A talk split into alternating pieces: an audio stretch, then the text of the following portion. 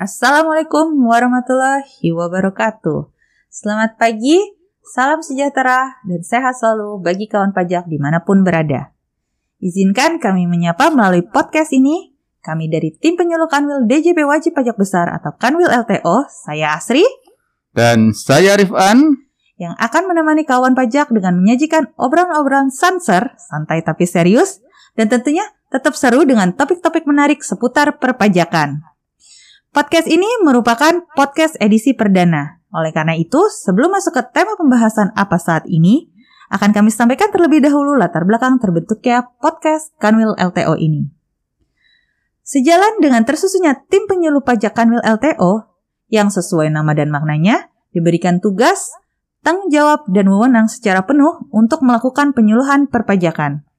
Sementara, Penyuluhan perpajakan sendiri adalah suatu upaya dan proses pemberian informasi perpajakan kepada masyarakat, dunia usaha, dan kementerian atau lembaga pemerintah maupun non-pemerintah. Jadi seperti yang kawan pajak sudah ketahui, peraturan perpajakan sangat dinamis dan terus berkembang untuk menyesuaikan kebutuhan ekonomi, sosial, politik, dan hal lainnya. Untuk itu, sebagai penyuluh, kita tidak sekedar menyampaikan informasi peraturan dan perubahannya, tapi juga mempunyai tanggung jawab untuk memberikan edukasi, memberikan pemahaman secara terus-menerus sehingga meningkatkan pengetahuan, pemahaman, dan keterampilan masyarakat dan wajib pajak, termasuk mengubah perilaku kepatuhan atas aturan perpajakan. Harapannya dapat meningkatkan kesadaran wajib pajak secara sukarela di masa sekarang maupun masa depan. Untuk itu, melalui podcast ini, kita akan menyajikan pembicaraan penuh makna yang bermanfaat dengan topik-topik yang dapat dinikmati atau didengar tidak hanya oleh kawan pajak di lingkungan Kanwil ETO, tetapi juga oleh semua kawan pajak. Benar begitu Pak Rifan? Betul Mbak Aci. Kesadaran sukarela ini penting Mbak. Tidak saja negara dan masyarakat yang akan menikmatinya. Pertama, mengurangi biaya kepatuhan wajib pajak dan kedua, juga mengurangi biaya administrasi perpajakan. Dengan demikian, biaya perpajakan yang tidak perlu keluar tersebut dapat dialokasikan untuk meningkatkan perluasan investasi bagi wajib pajak. Sedangkan biaya administrasi perpajakan juga dapat dialokasikan untuk alokasi anggaran yang lainnya. Selanjutnya, ada satu hal lagi sebelum kita masuk ke tema pembahasan hari ini. Bahwa untuk menghindari kemungkinan adanya mispersepsi, perlu kami sampaikan disclaimer yang harus kita pahami bersama. Jika nanti ada pendapat yang disampaikan di sini yang mungkin berbeda dengan aturan terkait, maka kawan pajak tetap harus berpegang pada ketentuan tersebut dalam melaksanakan hak dan kewajibannya, Mbak Aji. Benar banget, Pak Rifat. Oke, bicara informasi dan edukasi perpajakan, tema apa yang akan disampaikan pada seri pertama podcast kali ini ya? Mengingat pada masa pandemik ini sudah begitu banyak aturan perpajakan yang diterbitkan dan lebih banyak mengenai insentif dan perpanjangan insentif. Bahkan ketentuan tersebut memberikan lebih banyak relaksasi kepada wajib pajak untuk bisa mengalokasikan anggarannya agar operasional perusahaan dapat bergerak dan memutar ekonomi. Untuk pembahasan kali ini, kita akan membahas fasilitas pengurangan pajak penghasilan atau yang sering disebut dengan tax allowance. Apa dan bagaimana hal-hal terkait tax allowance ini? Wah, fasilitas pengurangan pajak penghasilan ya Mbak Aji. Tentu tema ini menarik sekali. Benar banget dan tentu akan menjadi perhatian bagi para wajib pajak. Mengingat kedudukan masyarakat di depan hukum adalah sama atau equity before the law. Jadi, kira-kira siapa yang berhak mendapatkan pengurangan pajak penghasilan? Apa saja syaratnya? Apa kewajiban yang harus dilakukan? Dan bagaimana prosesnya? Serta tentunya banyak hal lain yang perlu kita simak kawan pajak. Sebelum nanti kita diskusi lebih lanjut, kita akan coba berpantun dulu ya Mbak Aci ya. Oke Pak. Dari Pulau Tarakan menuju Pulau Sebatik, dari kota Pacitan menuju kota Gresik. Edukasi perpajakan untuk pemahaman yang lebih baik, simak dan perhatikan untuk kepatuhan yang lebih baik. Waduh, keren banget pantunnya Pak Rifan nih. Oke, langsung saja kita masuk ke pembahasan tentang fasilitas tax allowance yang diatur di PMK 96 tahun 2020. Pertama-tama coba kita tanya dulu nih ke Pak Rifan. Latar belakang yang mendasari uh, fasilitas tax allowance ini apa sih Pak? Bisa dijelaskan secara singkat mungkin Pak?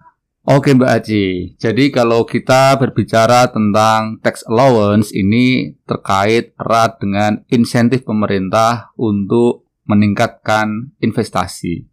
Jadi, Badan Koordinasi Penanaman Modal yang sering kita kenal dengan nama BKPM sudah merilis data capaian realisasi investasi pada triwulan 1 tahun 2021 sebesar 219,7 triliun. Nah, ternyata angka ini meningkat 4% jika dibandingkan triwulan 1 tahun 2020. Jika dibandingkan dengan triwulan sebelumnya, maka angka ini meningkat 2,4 persen. Capaian realisasi investasi sebesar 219,7 triliun tersebut berkontribusi sebesar 25,5 persen terhadap target nasional sebesar 900 triliun. Nah, beberapa poin penting terkait capaian realisasi investasi triwulan 1 adalah realisasi investasi di luar Pulau Jawa ini meningkat 11,7 persen dibandingkan dengan tahun 2020 pada periode yang sama. Wah, luar biasa ya.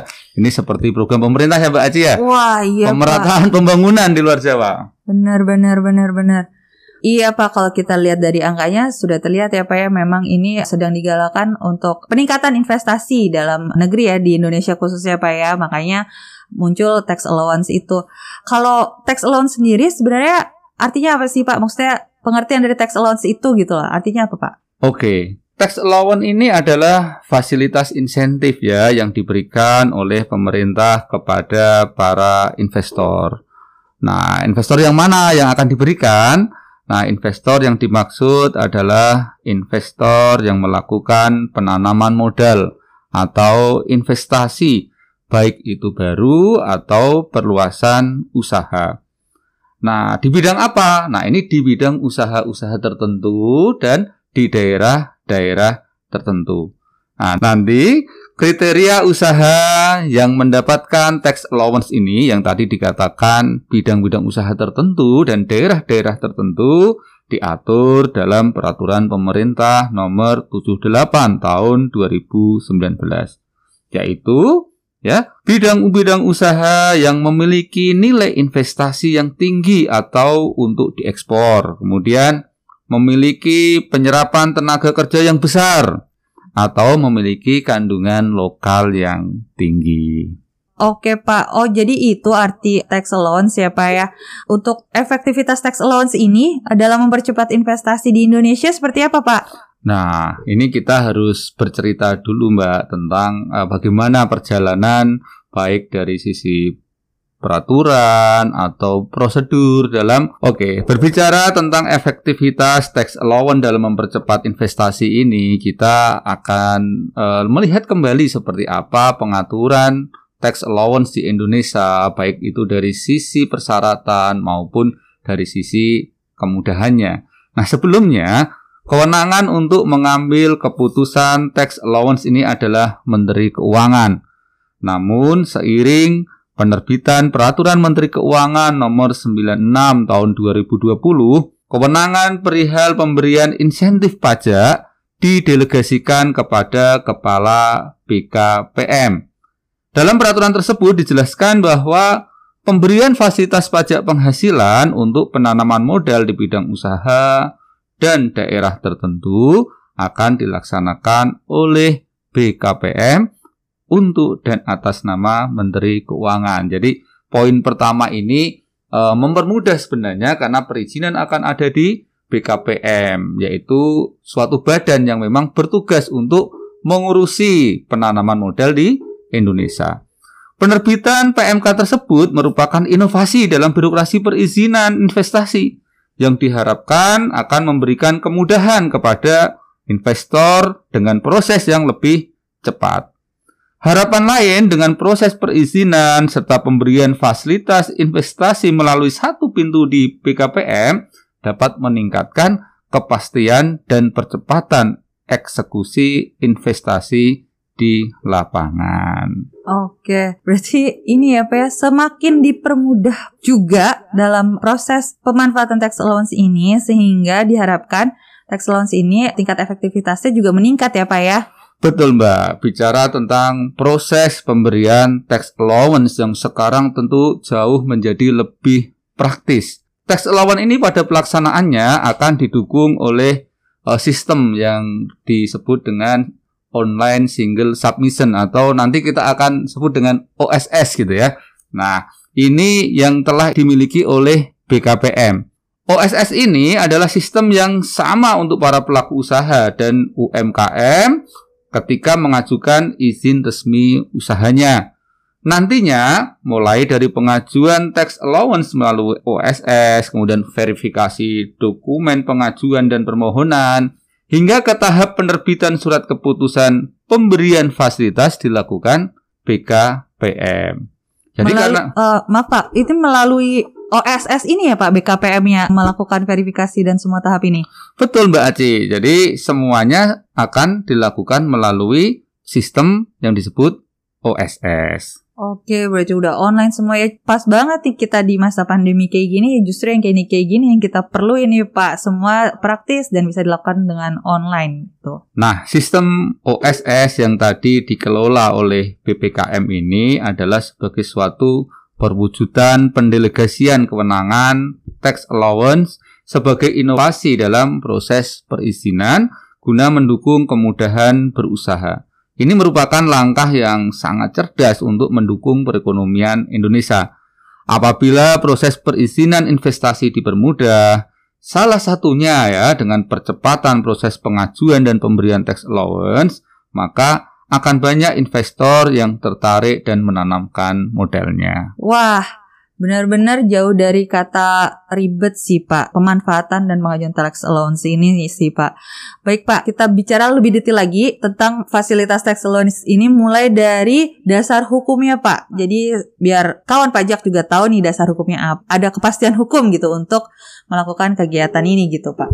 Untuk dasar hukumnya bisa dijelaskan Pak Oke, jadi ketika kita berbicara tentang tax allowance gitu kan, kan nggak mungkin pemerintah itu memberikan suatu uh, kebijakan tanpa adanya payung hukum ya, tentu Benar. harus memiliki payung hukum. Benar, setuju nah, Pak. Payung hukum terkait dengan tax allowance ini ada di Undang-Undang PPH yang kemarin juga termasuk bagian dari undang-undang yang dilakukan adanya sedikit perubahannya dengan adanya Undang-Undang Cipta Kerja ya Mbak Aji ya. Yap. Di pasal 31A itu memang sudah dibuka satu keran kepada wajib pajak yang melakukan penanaman modal di bidang usaha-usaha tertentu dan atau di daerah di daerah tertentu yang mendapat prioritas tinggi dan sekolah nasional dapat diberikan fasilitas perpajakan. Nah, dalam bentuk apa? Nah, nanti kita akan coba di belakang kita bahas ya. Tapi intinya ya, bagi wajib pajak wajib pajak tersebut berhak untuk memperoleh fasilitas perpajakan. Kemudian eh, undang-undang ini diterjemahkan juga dalam peraturan di bawahnya yang diatur dengan peraturan pemerintah nomor 78 tahun 2019. Ini juga secara detail diatur dengan peraturan Menteri Keuangan nomor 11 tahun 2020 sebagaimana telah diubah terakhir dengan Peraturan Menteri Keuangan Nomor 96 Tahun 2020. Oke. Dari undang-undang sampai peraturan Menteri Keuangan tadi sudah disebutkan oleh Pak Rifan. Kita lanjut ke jenis fasilitas yang ditawarkan. Oh, ditawarkan udah kayak jualan. Betul Jadi jenis fasilitas kan uh, ini ibaratnya iming-iming bukan iming-iming untuk investor untuk biar semakin bergairah gitu. Me melakukan investasi di Indonesia ya Pak ya. Betul. Untuk jenis fasilitasnya tuh apa aja Pak ditawarkan di tax allowance ini Pak? Oke, secara garis besar ya di dalam pasal 31A tadi Undang-Undang PPH, fasilitas perpajakan yang diberikan kepada eh, rekan-rekan wajib pajak yang melakukan penanaman modal di bidang bidang tertentu ya, di bidang-bidang usaha tertentu ya, dan di daerah-daerah tertentu ini dapat berupa pengurangan penghasilan itu. Jadi penghasilan itu itu kan penghasilan bersih gitu kan, Ya. bisa dikurangi paling tinggi 30% dari jumlah penanaman yang dilakukan. Semakin tinggi dia menanamkan, semakin besar gitu ya menanamkan modal di Indonesia, Ya. ya kemungkinan akan dapat hak pengurangan penghasilan itu yang lebih besar juga. Nah, Jadi implikasinya kalau penghasilannya berkurang, Pak, pajak yang dibayarkannya juga lebih kecil ya, Pak ya? lebih kecil lagi, beban Oke. pajaknya akan lebih kecil. Yang kedua, ini juga ada fasilitas penyusutan dan amortisasi yang dipercepat. Nah, yang ketiga, nanti akan ada kompensasi kerugian yang lebih lama, tetapi tidak lebih dari 10 tahun. Dan yang keempat ini juga, pengenaan pajak penghasilan atas dividen sebagaimana dimaksud pasal 26 sebesar 10%. Jadi kita ketahui bersama defaultnya ini kan 20%. Iya. Nah, dikasih fasilitas 10%.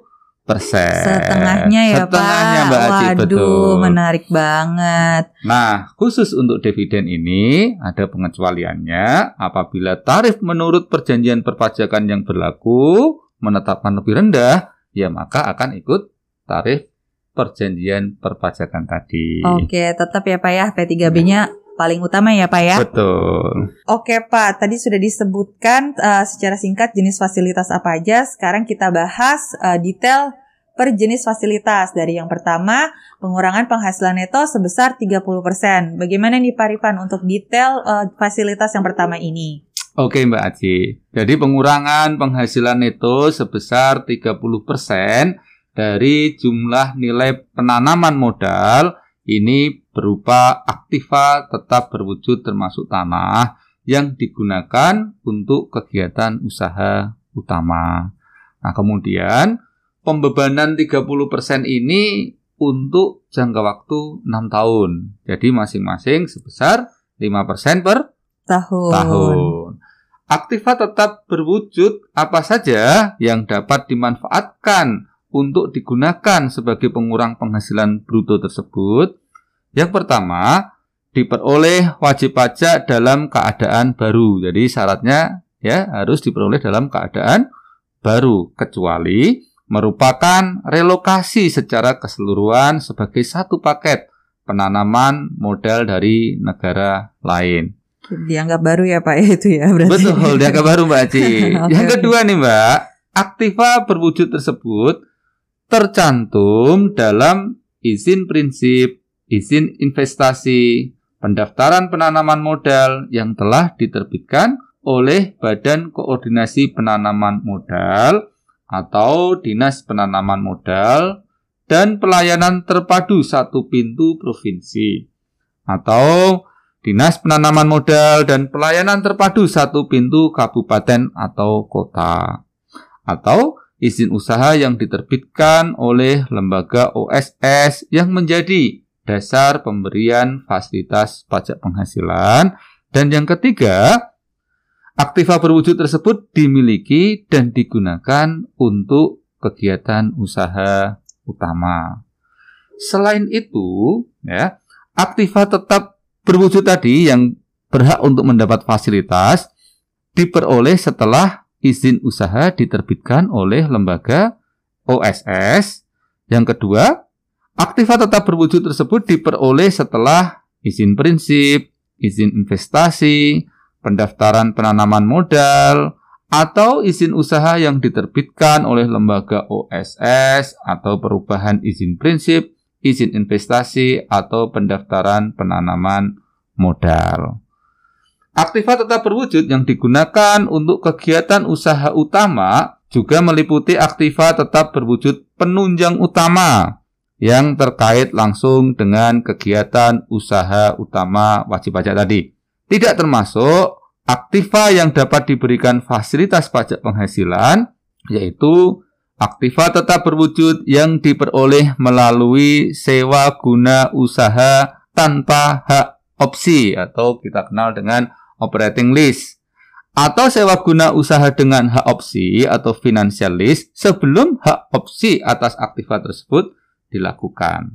Nah, nanti nilai aktiva tetap berwujud yang menjadi dasar penghitungan fasilitas pengurangan penghasilan neto sebesar 30% tadi atau setahun 5% gitu ya, ditetapkan oleh Direktur Jenderal Pajak. Wah, mantep Pak Rifan. Ini tadi berarti intinya sebenarnya dijelasin kriteria aktiva tetap yang menjadi dasar uh, pengurangan 30% itu dijelaskan apa saja nih aktiva tetapnya. Terus dikasih tahu juga uh, poin apa pengecualiannya aktiva apa saja yang dikecualikan dalam uh, penghitungan nilainya dan uh, dijelaskan juga gitu nilai aktivanya itu akan ditetapkan oleh Direktur Jenderal Pajak ya Pak ya poinnya betul, itu ya Pak ya betul, untuk betul, yang fasilitas pertama ini. Yeah. Untuk selanjutnya Pak fasilitas kedua berupa penyusutan yang dipercepat untuk aktiva tetap berwujud dan amortisasi untuk aktiva tak berwujud. Ini seperti apa nih Pak?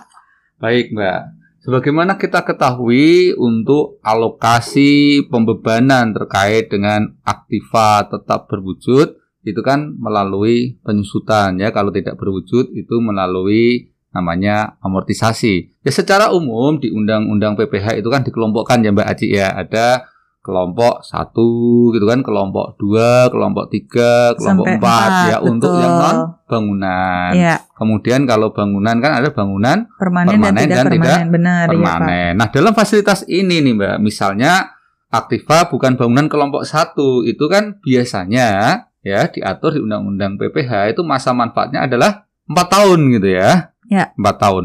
Nah dengan fasilitas ini dapat dipercepat hanya menjadi dua tahun. Wah, setengahnya lagi ya Pak ya ini. lagi betul Mbak Aji. Jadi akan ada biaya atau alokasi pembebanan yang lebih besar. Iya, dua kali lipat. Dua gitu kali kan. lipat.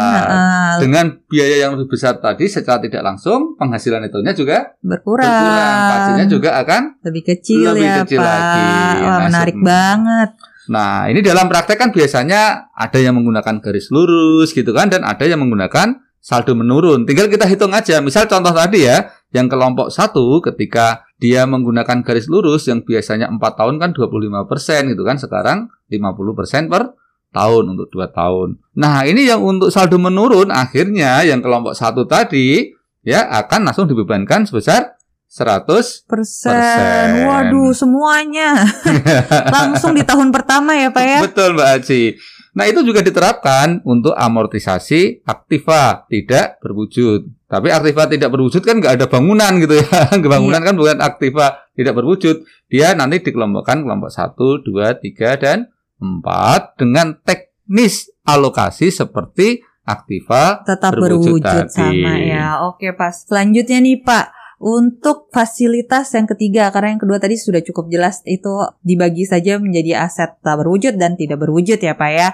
Untuk yang poin ketiga ini tentang fasilitas uh, atas dividen yang dibayarkan, ini gimana nih Pak? Oke Mbak. Sebagaimana kita ketahui ketika investor menanamkan modalnya di suatu perusahaan, ketika perusahaan tadi untung ya, hasil akhir dari investor itu kan tentu membutuhkan dividen kan gitu. Nah, dividen ini kan objek pajak.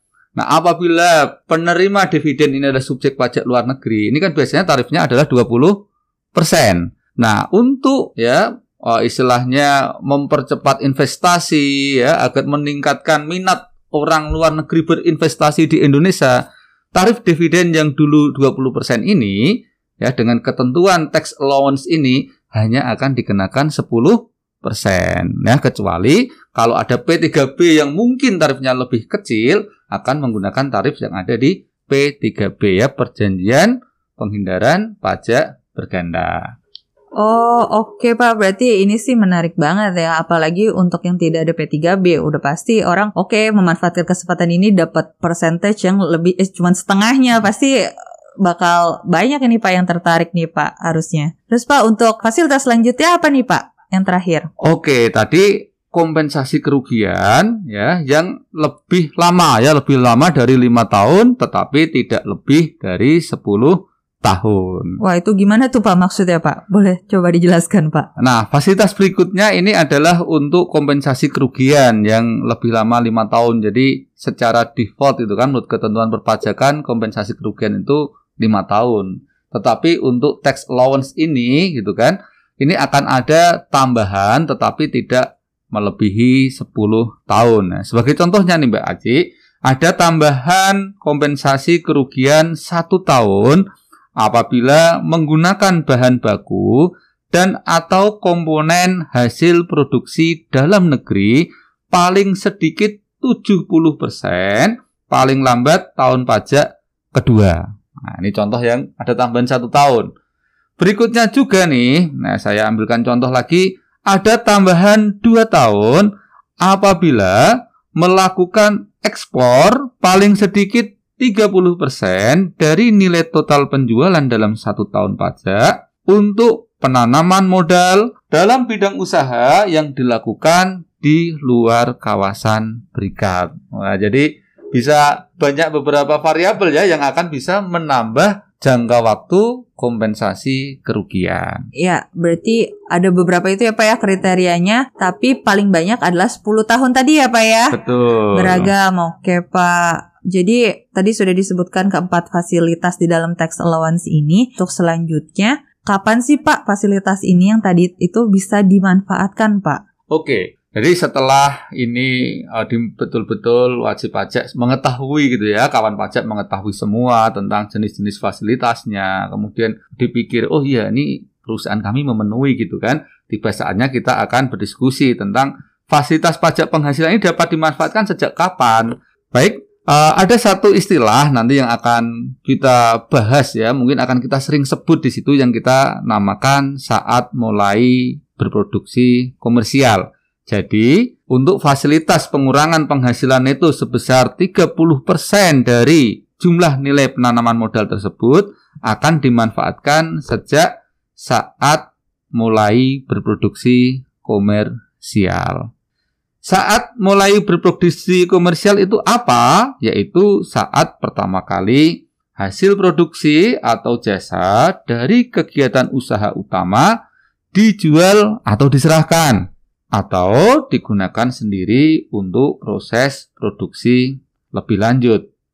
Nah, berikutnya, fasilitas pajak penghasilan dapat dimanfaatkan juga sejak diterbitkannya keputusan persetujuan pemberian fasilitas pajak penghasilan untuk penyusutan yang dipercepat tadi, kemudian pengenaan pajak atas dividen subjek pajak luar negeri, dan tambahan kompensasi kerugian. Atau dimanfaatkan sejak keputusan penambahan jangka waktu fasilitas kompensasi kerugian untuk tambahan kompensasi kerugian. Baik Pak, tadi sudah dijelaskan nih sejak kapan fasilitas ini dapat dimanfaatkan.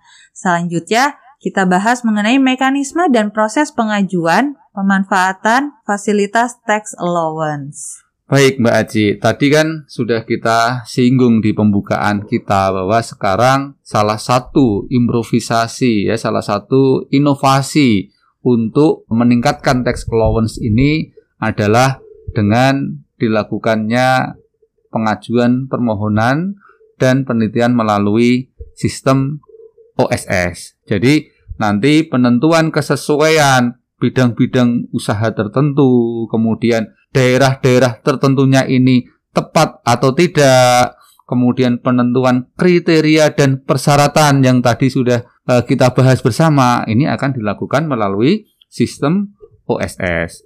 Nah, dalam hal penanaman model wajib pajak tadi memenuhi ketentuan, maka sistem OSS akan menyampaikan pemberitahuan kepada wajib pajak bahwa penanaman modal memenuhi ketentuan untuk memperoleh fasilitas pajak penghasilan. Oh, begitu juga apabila penanaman modal wajib pajak ini tidak memenuhi ketentuan, maka sistem OSS menyampaikan pemberitahuan kepada wajib pajak bahwa penanaman modal tidak memperoleh fasilitas pajak penghasilan. Wajib pajak yang telah memperoleh pemberitahuan dianggap telah mengajukan permohonan fasilitas pajak penghasilan apabila telah menyampaikan persyaratan kelengkapan. Nah, apa itu kelengkapannya? Yang pertama adalah salinan digital surat keterangan fiskal para pemegang saham. Dan yang kedua, salinan digital rincian aktiva tetap dalam rencana nilai penanaman modal yang dilakukan secara daring melalui sistem OSS. Wah, ini sih simple banget dengan adanya OSS ini. Semua dari eligibilitas dan upload persyaratan dokumen itu semua sudah dilakukan online, Pak. Ini enak banget ya, Pak ya? Betul, Mbak Aci. Benar-benar uh, perwujudan EODB nih, Pak. Ease of doing business ya, Pak ya? Betul. Oke, Pak. Untuk itu, uh, selanjutnya pengajuan permohonan yang tadi itu, ini kapan dilakukan sih, Pak? Oke. Tadi kita sudah uh, punya satu istilah gitu kan, yang istilah saat mulai berproduksi komersial ya tadi ya. Oke, oh balik lagi ya Pak ya. balik lagi saat ke mulai situ, berproduksi Aci, komersial betul. ini gimana Nah, tuh begitu Pak? juga untuk pengajuan permohonan fasilitas pajak penghasilan harus dilakukan sebelum saat mulai berproduksi komersial. Permohonan fasilitas pajak penghasilan ya dapat dilakukan bersamaan dengan pendaftaran untuk mendapatkan nomor induk berusaha bagi wajib pajak baru. Atau paling lama satu tahun setelah penerbitan izin usaha yang diterbitkan oleh lembaga OSS untuk penanaman modal dan atau perluasan. Permohonan fasilitas pajak penghasilan yang telah diterima secara lengkap disampaikan oleh sistem OSS kepada Menteri Keuangan sebagai usulan pemberian fasilitas pajak penghasilan dan sistem OSS akan mengirimkan pemberitahuan kepada wajib pajak bahwa permohonan fasilitas pajak penghasilan sedang dalam proses. Nah, bagaimana nanti misalkan sistem OSS ini tidak tersedia? Nah, dalam hal sistem OSS tidak tersedia, penentuan kesesuaian pemenuhan dan pengajuan permohonan fasilitas pajak penghasilan dilakukan secara luring kepada Menteri Keuangan melalui Kepala BKPM dengan memenuhi ketentuan-ketentuan yang ada di atas tadi. Selanjutnya, wajib pajak yang telah mendapatkan persetujuan melalui OSS tadi, seperti yang Bapak sebutkan sebelumnya, untuk menentukan nilai penanaman modalnya itu kan akan ditentukan Direktur Jenderal Pajak ya Pak ya. Itu gimana tuh Pak mekanismenya Pak?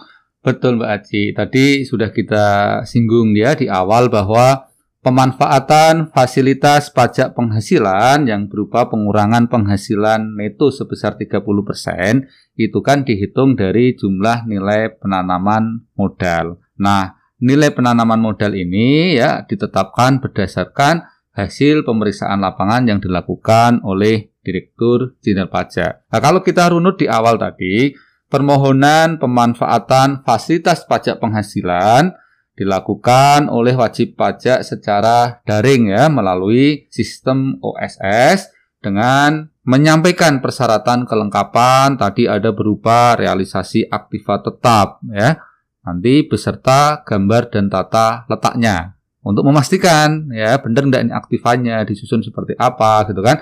Yang kedua ada surat keterangan fiskal wajib pajak dan ada dokumen-dokumen yang digunakan ya untuk membuktikan terkait dengan saat mulai berproduksi komersial tadi. Yang pertama, transaksi penjualan hasil produksi ke pasaran pertama kali, antara lain bisa berupa faktur pajak atau bukti tagihan. Atau pertama kali hasil produksi digunakan sendiri untuk proses produksi lebih lanjut, ini bisa laporan pemakaian sendiri. Nah, pemeriksaan lapangan dilakukan oleh Direktur Jenderal Pajak ya setelah menerima permohonan pemanfaatan fasilitas pajak penghasilan melalui sistem OSS. Ya, pemeriksaan lapangan sendiri nanti dilaksanakan dalam jangka waktu 45 hari, 45 hari kerja ini sejak surat pemberitahuan pemeriksaan disampaikan kepada wajib pajak, wakil, kuasa atau pegawai dari wajib pajak. Oke, jadi pemeriksaan lapangan ini jauh lebih singkat daripada pemeriksaan lapangan yang biasa dilakukan untuk SPT. Itu ya Pak ya? Betul Mbak. Hanya 45 hari. Nah, dalam 45 hari ini kegiatan pemeriksaan lapangannya itu apa aja ya Pak ya? Ya, pemeriksaan lapangan ini pada prinsipnya adalah memastikan bahwa penentuan mengenai saat mulai berproduksi komersial ini tepat ya karena ini kan menjadi satu persyaratan tadi ya Benar. yang sudah kita sebutkan.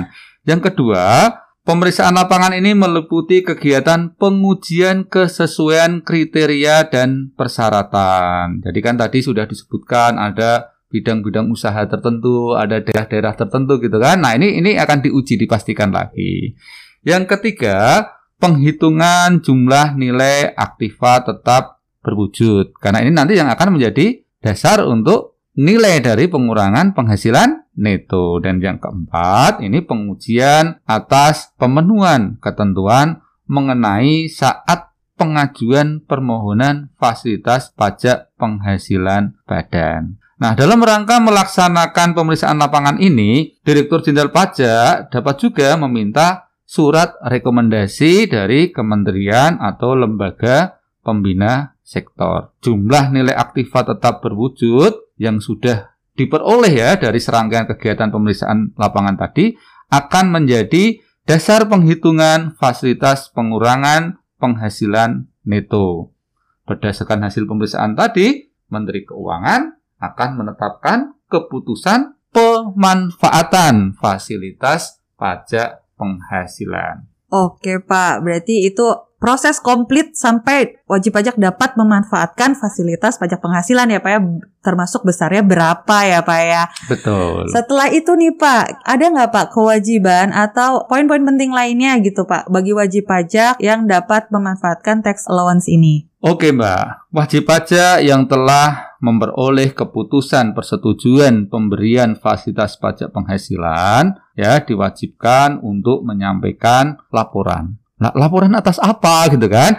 Nah, ini laporan atas jumlah realisasi penanaman modal dan jumlah realisasi produksi agar nanti laporannya ini seragam ya tidak uh, keluar dari konteks itu kan tidak ke mana-mana maka laporan dari realisasi penanaman modal dan realisasi produksi ini sesuai format sebagaimana tercantum dalam lampiran di peraturan Menteri Keuangan. Laporan tersebut ya wajib disampaikan kepada Direktur Pemeriksaan dan Penagihan dan Kepala Kantor Pelayanan Pajak tempat wajib pajak terdaftar setiap tahun paling lambat 30 hari setelah berakhirnya tahun pajak yang bersangkutan dalam periode ya sejak diterbitkannya keputusan persetujuan pemberian fasilitas pajak penghasilan sampai dengan diterbitkannya keputusan saat mulai berproduksi komersial untuk laporan jumlah realisasi penanaman modal dan sejak diterbitkannya keputusan saat mulai berproduksi komersial sampai dengan berakhirnya masa manfaat aktiva secara fiskal untuk laporan jumlah realisasi produksi. Dalam hal wajib pajak tidak menyampaikan laporan atau menyampaikan laporan namun tidak memenuhi ketentuan, terhadap wajib pajak dimaksud dapat dilakukan pemeriksaan oleh Direktur Jenderal Pajak. Oh gitu Pak. Jadi sebenarnya sih kayaknya nggak sulit ya Pak ya. Jadi untuk menghindari pemeriksaan mungkin gitu ya, uh, dilakukan saja uh, laporan ini sesuai tepat waktu dan uh, sesuai ke ketentuan gitu. Betul. Karena ini semata-mata bentuk pertanggungjawaban aja sih ya Pak ya setelah dapat memanfaatkan uh, fasilitas tax allowance ini gitu ya Pak ya. Betul Mbak Aji. Wah, nggak terasa nih Pak Rifan. Tadi sudah detail disampaikan oleh Pak Rifan tentang proses pemanfaatan fasilitas tax allowance ini gitu. Akhirnya ada beberapa hal gitu yang perlu menjadi perhatian kawan pajak untuk mendapatkan fasilitas tax allowance ini. Tentu kita berharap agar tax allowance ini dapat segera dimanfaatkan. Tapi harapan terbesarnya adalah tercapainya tujuan diberikan kemudahan pajak inilah untuk mendorong kegiatan investasi langsung di Indonesia, baik melalui penanaman modal asing maupun penanaman modal dalam negeri di bidang-bidang usaha tertentu dan atau di daerah-daerah tertentu yang mendapat prioritas tinggi dalam skala nasional. Semoga dengan adanya tax allowance ini semakin meningkatkan daya tarik para investor untuk berinvestasi di Indonesia yang selanjutnya dapat meningkatkan perekonomian Indonesia. Harapan kita, ekonomi berjalan, ekonomi tumbuh, pajak kuat, Indonesia maju, Indonesia tangguh, Indonesia tumbuh. Sampai jumpa di seri podcast selanjutnya. Salam sehat selalu. Wassalamualaikum warahmatullahi wabarakatuh. Assalamualaikum.